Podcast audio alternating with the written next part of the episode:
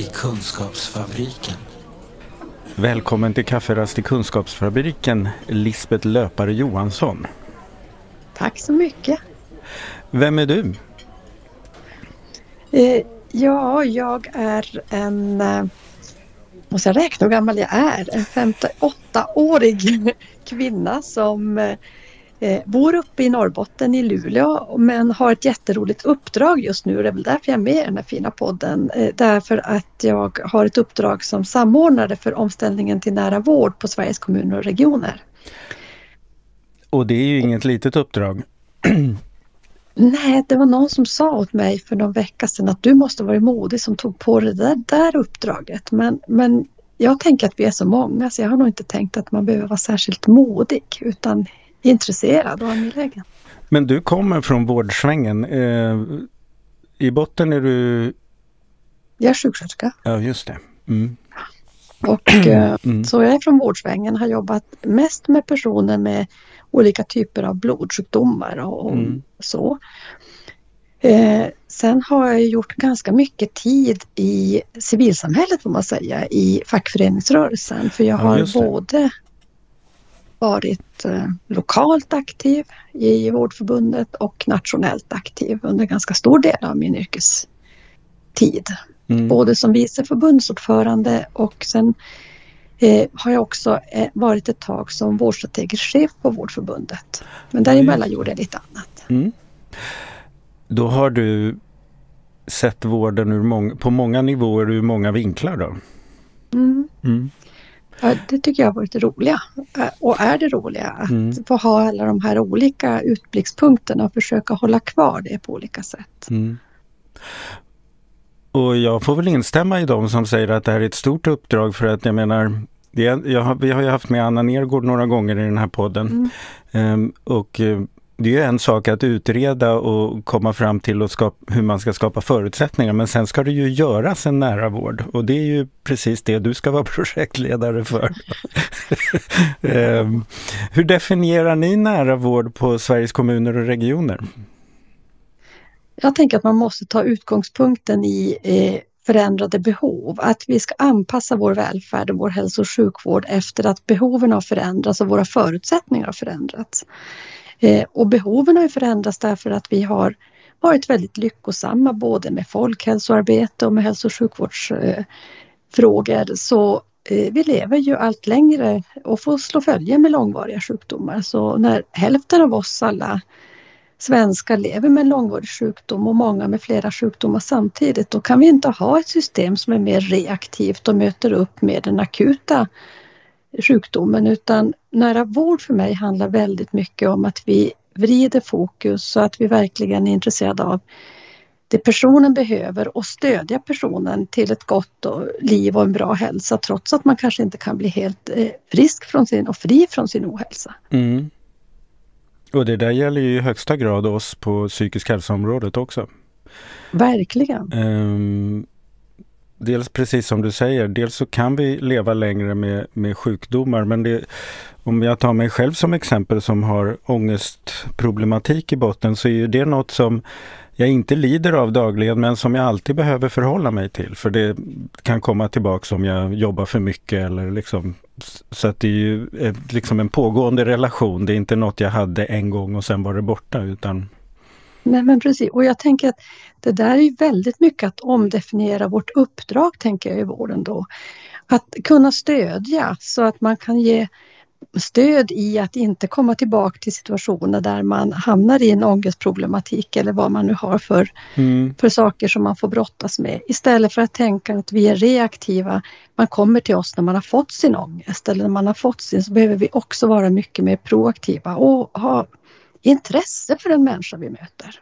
Ja, jag tänker också på samma sätt som säger reaktiv så kan man ju se ett ens, en enstaka insats som en, eh, en tjänsteleverans.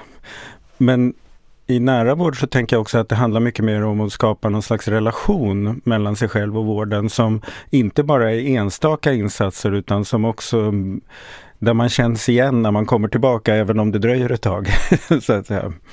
Men exakt, jag tror det är också en definition av nära vård, att den är mycket mer baserad på relationer. Mm. Och också att den tar hänsyn till de olika mellanrum, för när man står i personens skor så kan man ju ha behov av att komma i kontakt med flera olika delar som vi är jättebra för i styckevis i hälso och sjukvård.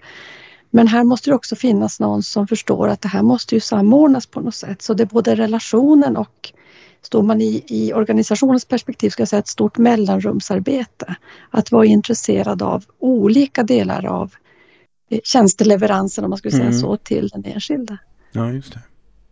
Hur går det nu då med omställningen? Eh, hur, långt, alltså, hur långt har man kommit eller vad är det man ägnar sig åt för att liksom stöpa om vården till en mer nära vård?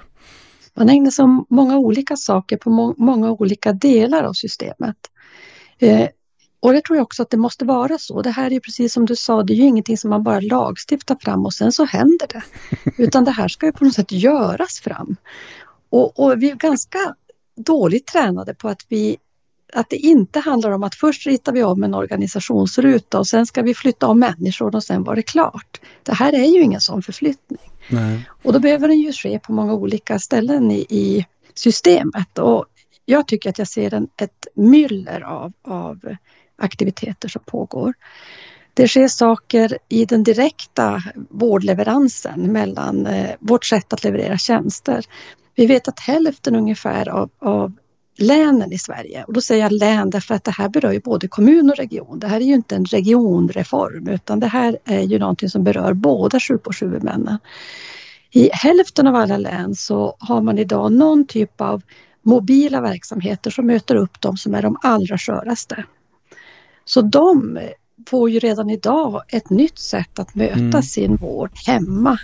Där kommunens eh, medarbetare tillsammans med regionens medarbetare utgör ett team för att stötta mig så att jag inte behöver åka in och ut på sjukhus.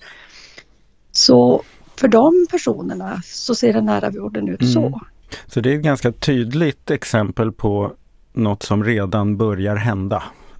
Absolut. Mm. Ganska, jag tycker att när vi kommit till så stor på något sätt andel som jobbar på det här sättet att vi kan börja se vad är lyckosamt och vad är inte lyckosamt och kanske mer göra koncept av det så vi mm. kan underlätta de som vill införa det framåt som inte har kommit lika långt. Och då tänker jag sådär att jag får ofta intrycket av att när man prövar saker som är lite nya sådär och som tvingar en till lite nya förhållningssätt kanske som som vårdgivare. I det här fallet till exempel då att man har gemensamma team mellan kommun och region. Mm. Vad, vad är det man upptäcker då?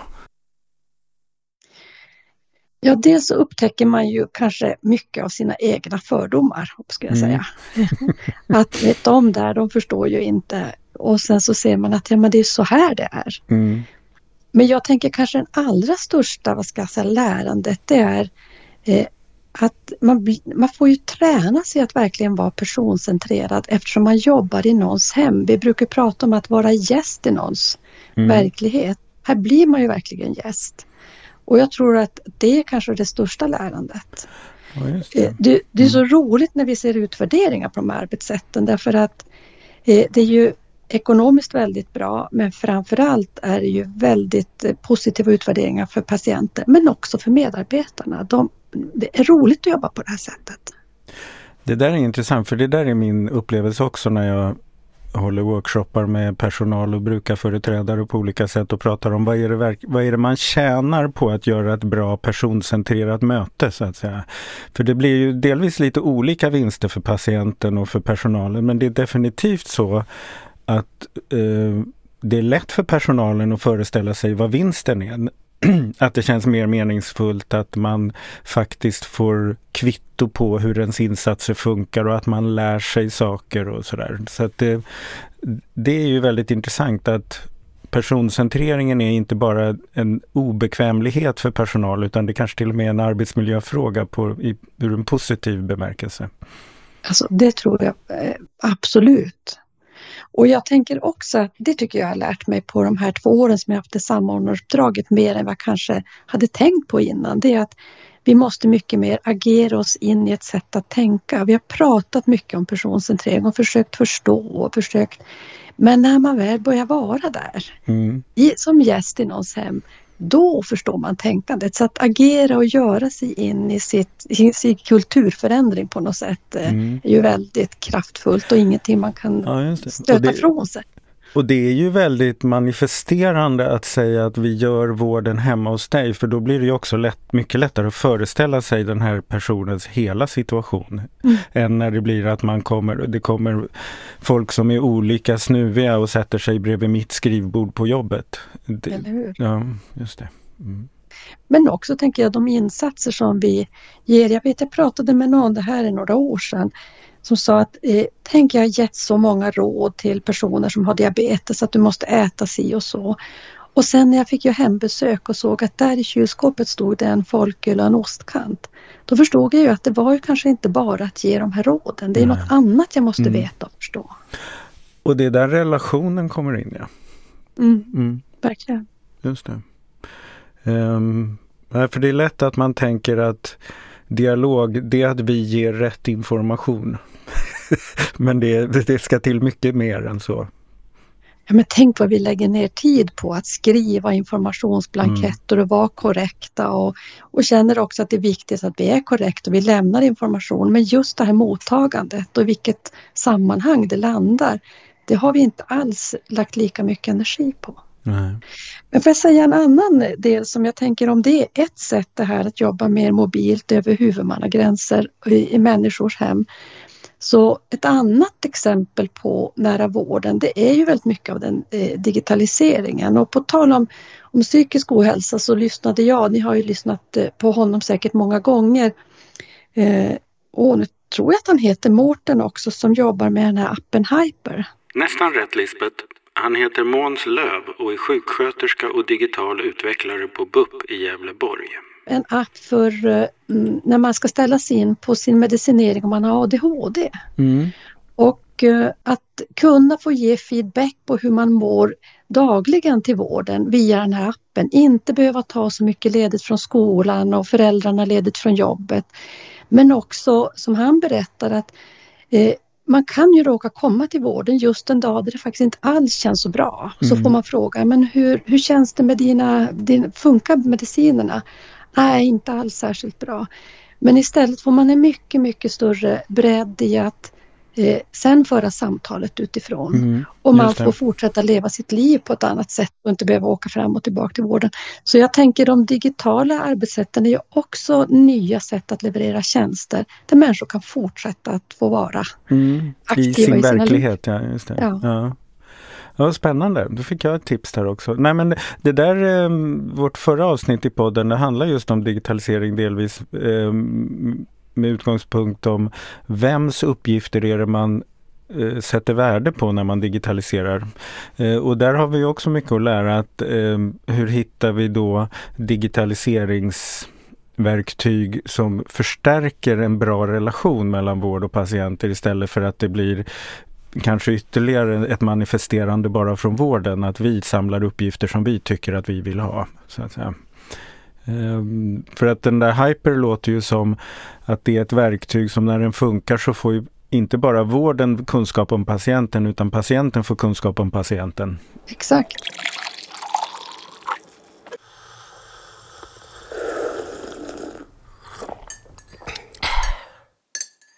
Ett annat stort arbete som pågår det är ju att man börjar jobba mycket mer gränsöverskridande också i styrningen av hälso och sjukvården. Mm, mm. Eh, mellan kommuner och regioner. Eh, I också där hälften av alla län i Sverige har man redan politiskt fattat beslut om sin viljeinriktning tillsammans i länet. Mellan, och då ska man tänka att det är ganska stora politiska processer för det är ju många kommuner i ett län och alla de kommunerna har sin egen politiska styrning. De ska ta beslut om de här målbilderna och dokumenten som man gör tillsammans alla kommuner och regioner. Och det har man gjort i hälften av länen och i nästan resten av, av länen kommer att vara framme någon gång vid årsskiftet. Och jag tror att det där kan ju låta som att hålla på med dokument spelar det någon roll. Men jag tänker att det här är en stor omställning av vårt sätt att styra och leda verksamhet mm. också. Så att det är en otroligt viktig grundplatta. Ja, och det kommer ju då ställa krav på förhoppningsvis att det inte bara är att de skapar forum där uppe på maktnivå, eh, där de träffas och bestämmer saker, utan jag tänker också att eh, kunskapen som sker i den nära vården där nere verkligen används där uppe för att förstå vad vi lyckas med eller inte lyckas med. Att, det, att man kanske också på, på den här styrningsnivån hittar nya mått och indikatorer och sånt där som, som, som just handlar om att det är nära vård vi ger, inte bara att vi ger vård och hur mycket och sådär på något sätt.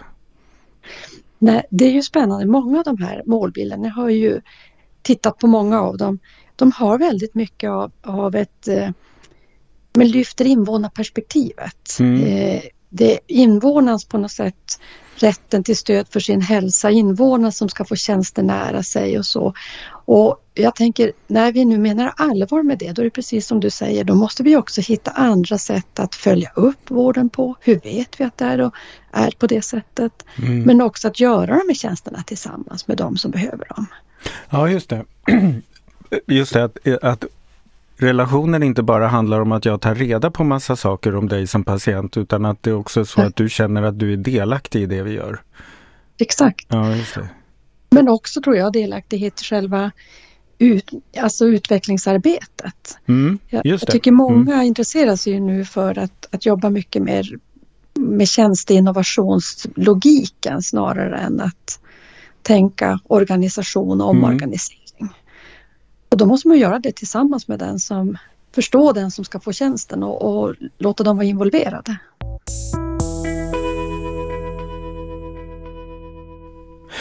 Ehm, jag tittade på en skrift som ni gav ut för två år sedan. Då hade ni hållit på ett tag med det här arbetet och omställningen. Hur länge är det du har varit projektledare nu på SKR? Är det tre, fyra år?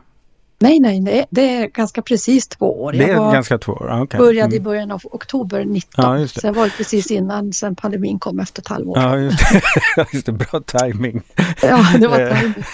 Eh, men då skriver du, och det tyckte jag var lite roligt i den här rapporten, att du skriver, ni skriver ganska, jag inte, ska inte säga självkritiskt, men i alla fall problematiserande kring att, att det här indikatorerna för att se hur den här omställningen går är inte så lätta för att de, är, de har väldigt mycket av det liksom gamla synsättet. Så att det är lite svårt att se hur omställningen går för att, vad ska man säga, de verktyg vi har att titta med är gammaldags på något sätt eh, och fyrkantiga utifrån andra vårdlogiker som eh, inte ska prägla det nya systemet. Hur har det gått med det där? Har det förändrats på två år? Har du, tycker du att ni har fått fram bättre verktygslåda för att se att ni verkligen åstadkommer det ni vill göra? Jag skulle önska att vi hade kommit längre. Det här är jättesvåra frågor och de är, jag tror att de är helt avgörande för jag tror att vi kommer inte orka en sån här stor omställning om vi inte lyckas eh, spegla att det faktiskt händer. Det vi ser Nej. framför oss men inte kan hitta de indikatorerna.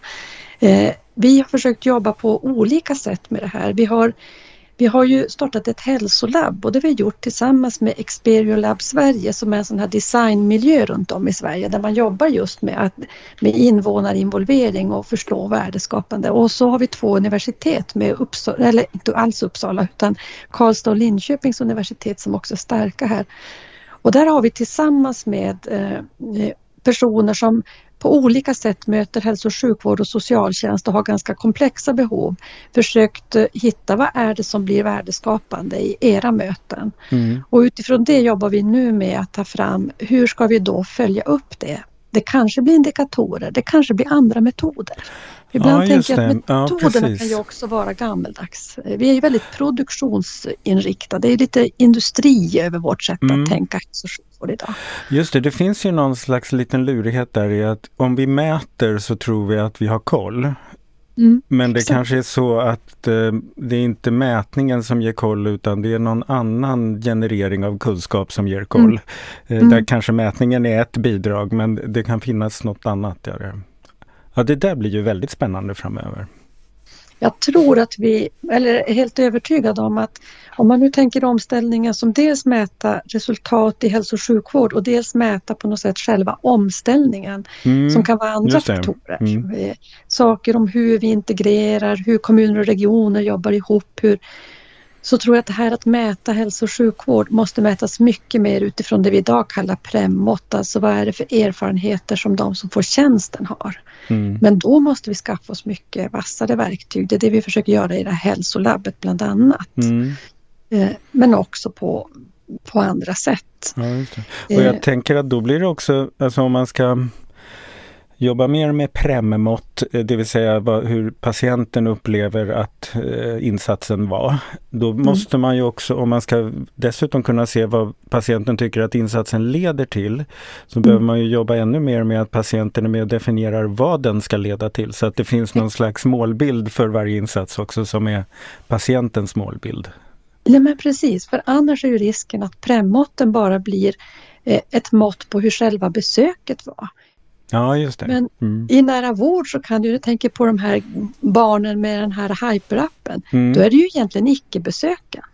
Att ja, jag inte det. behövde mm. besök. Precis, relationen är ju varje dag. Eller hur? Ja, just det. Mm. Ja, precis. Och det där är ju Ja, det där har jag också upplevt lite i en del kontakter med vården när vi har jobbat. att att det sitter så hårt i de som jobbar i vården att jo men det, men det är ju när de är här som vi gör vård. Mm. Mm. och så är det ju inte alls för patienten. Um, och det där blir kanske ett uppvaknande för vården men kanske också då någonting som vården kommer må bra av. Jag tror det. Alltså, på det sättet så tycker jag att det är så fantastiskt att ha, eh, få jobba med de här frågorna. Därför att jag ser egentligen bara vinster. Det finns inte riktigt någon förlorade om vi gör det här, Nej. enligt mitt sätt att se det. Det är verkligen som du säger, det handlar om god arbetsmiljö och ännu viktigare när vi vet att bli, vi inte kommer att växa i alltför befolkning som det ser ut i alla, alla prognoser idag i alla fall, så mm. måste, kan vi inte fortsätta på samma sätt. Att slita ut personalen och sen försöka rekrytera nej. nu, nej. Nej, nej. och sen mm. så jobbar med inre effektivitet. Vi springer lite fortare på den här bollen så blir det säkert bra. Ja. Nej, det finns inte riktigt någon man kan inte töja på den inre effektiviteten och mer. Det är nya sätt att att arbeta mm. och det är också sätt som gör att människor att vi uppvaknar och säger att ja, men det var inte bara det där mötet som vården pågick eller eh, vår, vår, vår tjänst gav värde. Utan det är ju någon annanstans det skapar värde, nämligen människors liv. Kafferast i Kunskapsfabriken. Jag tror att det är en utmaning för det här, eh, för hälso och sjukvården som är så eh, evidensbaserad på, på sån typ av evidens som går att randomisera på olika sätt och så. Jag tror att vi kommer att se mycket mer av andra sätt att, att mäta värdet, även omställningsvärdet. Jag tror att berättelsen, under en omställning har berättelsen en väldigt stor roll att spela. Att lyssna på dem som gör det här, vad har de lärt sig? Hur upplevde de det? Och sen kanske vi kan paketera ihop det till ett bättre vetande för fler. Du träffar ju ganska mycket politiker och beslutsfattare i ditt arbete.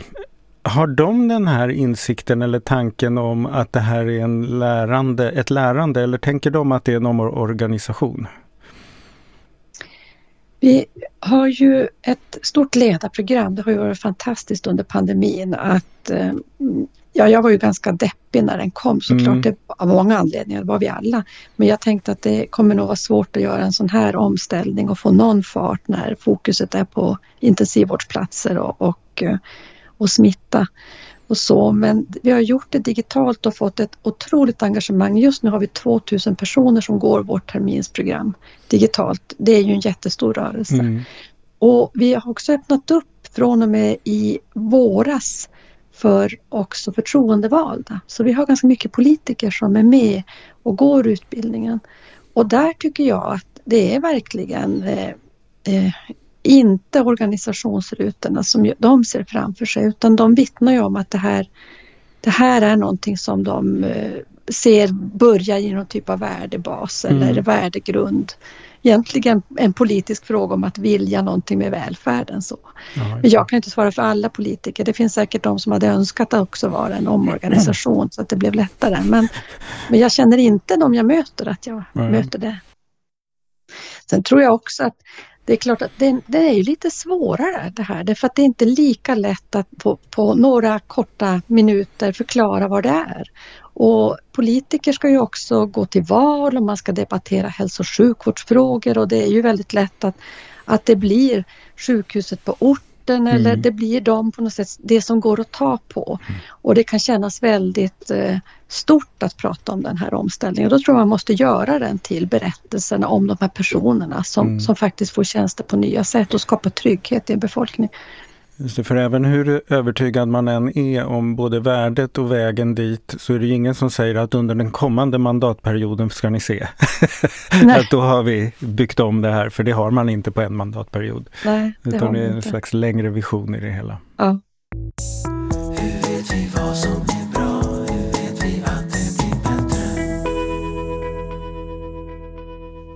Vad tror du kommer bli svårast i omställningen? Ja, jag, jag tänker ändå att det som är otroligt viktigt att lyckas manövrera det, det är de här styr och ledningsprocesserna, uppföljningsdelarna.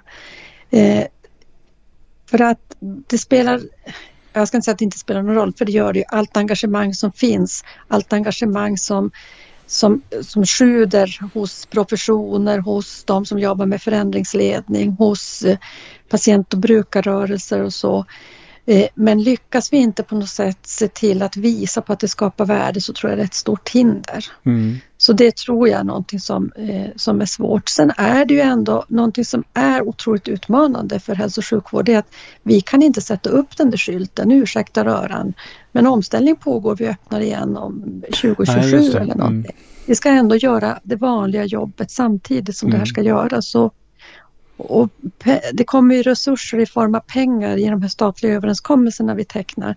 Men det är ju ändå människor som ska göra jobbet och, och det är också en utmaning. Och, och, eh, det får vi också lära av varandra, vilka som har lyckats och hur de har gjort det. Och mm. Jag tror också att man ska inte jobba för mycket med projekt som är alldeles på sidan om utan ett lärande i den egna verksamheten. Ja, just det. Men det förutsätter ju också att den egna verksamheten vågar vara lite elastisk. Exakt, och jobba tillsammans med andra mm. egna verksamheter. Ja, så att det inte det. blir små, små, det är mm. inte små förbättringsprojekt det här handlar om. Just det. Men jag tror också att eh, där blir ju politikens eh, roll väldigt viktig att säga inte bara att det där ska ni göra utan eh, det här måste vi hjälpas åt. Vi, vi, vi vill följa hur det går. Och, och, vi vill också lära oss av den här omställningen så att säga. Att, mak, att beslutsfattarna inte låter som att de vet hur det ska vara. Nej. Mm. Jag ser några som har organiserat sitt arbete när de ska införa nya lösningar tillsammans, kommun och region, som en typ av lärprocess istället för en, en projektprocess. Mm. Att man jobbar i sitt kanske närvårdsområde eller en del av geografin, testar fram en lösning. Sen möts man totalt med, med både politiker och tjänstepersoner och medarbetare och, och patient och brukarorganisationer och samarbetar så och, och diskuterar vad, vad är det som är svårt, var ligger motstånden och hur ska vi kunna göra istället? Att man bygger mer lärandeprocesser än vanliga projekt som följs inom projektdirektiv.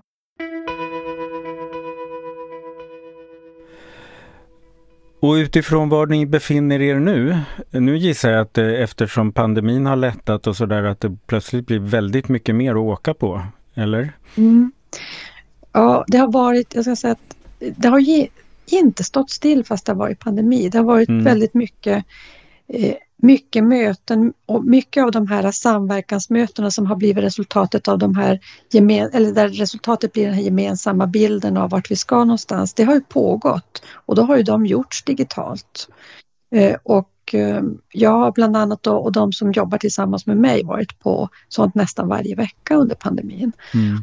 Eh, och till viss del kommer det att bli mer att man ska resa. Men jag ser också att många tycker att det här har varit ett bra sätt att ganska snabbt kunna få människor att, att delta kanske en halv dag men ändå inte behöva åka så mycket. Så att vi får se hur, mm. hur det nya normala blir. Det ja, blir någon, någon blandning. Plötsligt lärde vi oss något på det där vi utsattes för. Eh, vad känner du just nu? Är det något särskilt du tänker så att det här skulle jag behöva lära mig mer om eller det här skulle vi behöva förstå bättre för att komma vidare nu? Är det någon särskild sån där kunskapspuckel som ni står inför just nu? Jag tycker att det, den där kunskapspucken som vi pratade om tidigare, om hur vi fångar de här nya premmåtten, det är en sån kunskapspuckel där jag tycker att det är ganska svårt att det är inte bara att vända sig någonstans. Man vet inte att det är just där, där sitter de på den här kompetensen och bara vi får tag på, på den så får vi svaret. För det är inte riktigt någon som sitter på den. Nej. Så det är ju någonting som man skulle behöva eh, tillsammans urforska med, med många olika perspektiv. Och mm. ibland så tänker jag att jag är lite otålig, att jag känner att det här måste få gå fortare. Ja. Eh, så, så det tycker jag. Jag tycker också, eh, och jag vet att du och jag har pratat om det mycket, jag ser en en stor vilja att jobba mycket mer samskapande med patient och brukarrörelser eh, runt om eh, i vården. Men inte en hel trygghet i hur man gör det. Nej, så är det. Och det skulle jag tycka att det är också en sån där kunskapspuckel som jag skulle vilja att vi gemensamt på något sätt kunde stödja de som nu vill det här för att det är en otrolig öppning att det, mm. man ser att det här är nödvändigt men riktigt hur tar vi oss an det? Och de två pucklarna du beskriver de, är, de hänger ihop en del eller kan mm. i alla fall hänga ihop. Att Absolut. börjar man lösa den ena så kanske man också får svar på den andra delvis. Mm. Um, för att man kan, ja just det, att hitta någon slags intrikat systematik eller logik i att jobba med patienter i patientmötet och föreningar i föreningsmötet men ändå kring det här med värden och, och, och mål och sånt där. Mm. Ja. Mm. Vad spännande, då får vi kanske anledning att ses mer då. tycker jag verkligen att vi ska göra. ja, trevligt. Ja. En sak som, när jag tänker på det här med pandemin och att vi blivit så bra på digitalt, vi ses ju digitalt nu eh, och det är väl knappt att det hörs för de som lyssnar på podden, men en sak just i en sån här typ av omställning som jag har saknat under pandemin, det är att få vara ute och träffa människor ungefär mm. där de är. Eh, mm. Att det ger man kan få många eh, bekräftelser och, uppgifter digitalt men det här med att faktiskt se hur folk jobbar och när de möts, vad som händer där, det, det är ju en kvalitet som man också vill ha med sig när man jobbar på den nationella nivån, tänker jag. Mm. Jag tänker det är väl nästan det där vi pratade om. Eh, när man i, i sitt, sin vårdprofession möter någon hemma så blir det något annat mm. och det mm. blir ju också något annat även om man är mer av en kontorsperson eller utredare eller vad man har för någonting. Att få mötas i de sammanhangen på ett annat sätt, det, det ger något annat och mm. det, det längtar man ju efter verkligen. Mm. Men då, stort tack Lisbeth för att du ville vara med. Nej, men tack för att jag fick vara med. Och så hoppas vi att vi snart ses på riktigt då. Det, det gör vi. Ja. Tack. Tack så mycket. Den här podden görs av NSPH, Nationell samverkan för psykisk hälsa. Läs mer på vår hemsida www.nsph.se eller följ oss på Facebook. Kafferast i Kunskapsfabriken.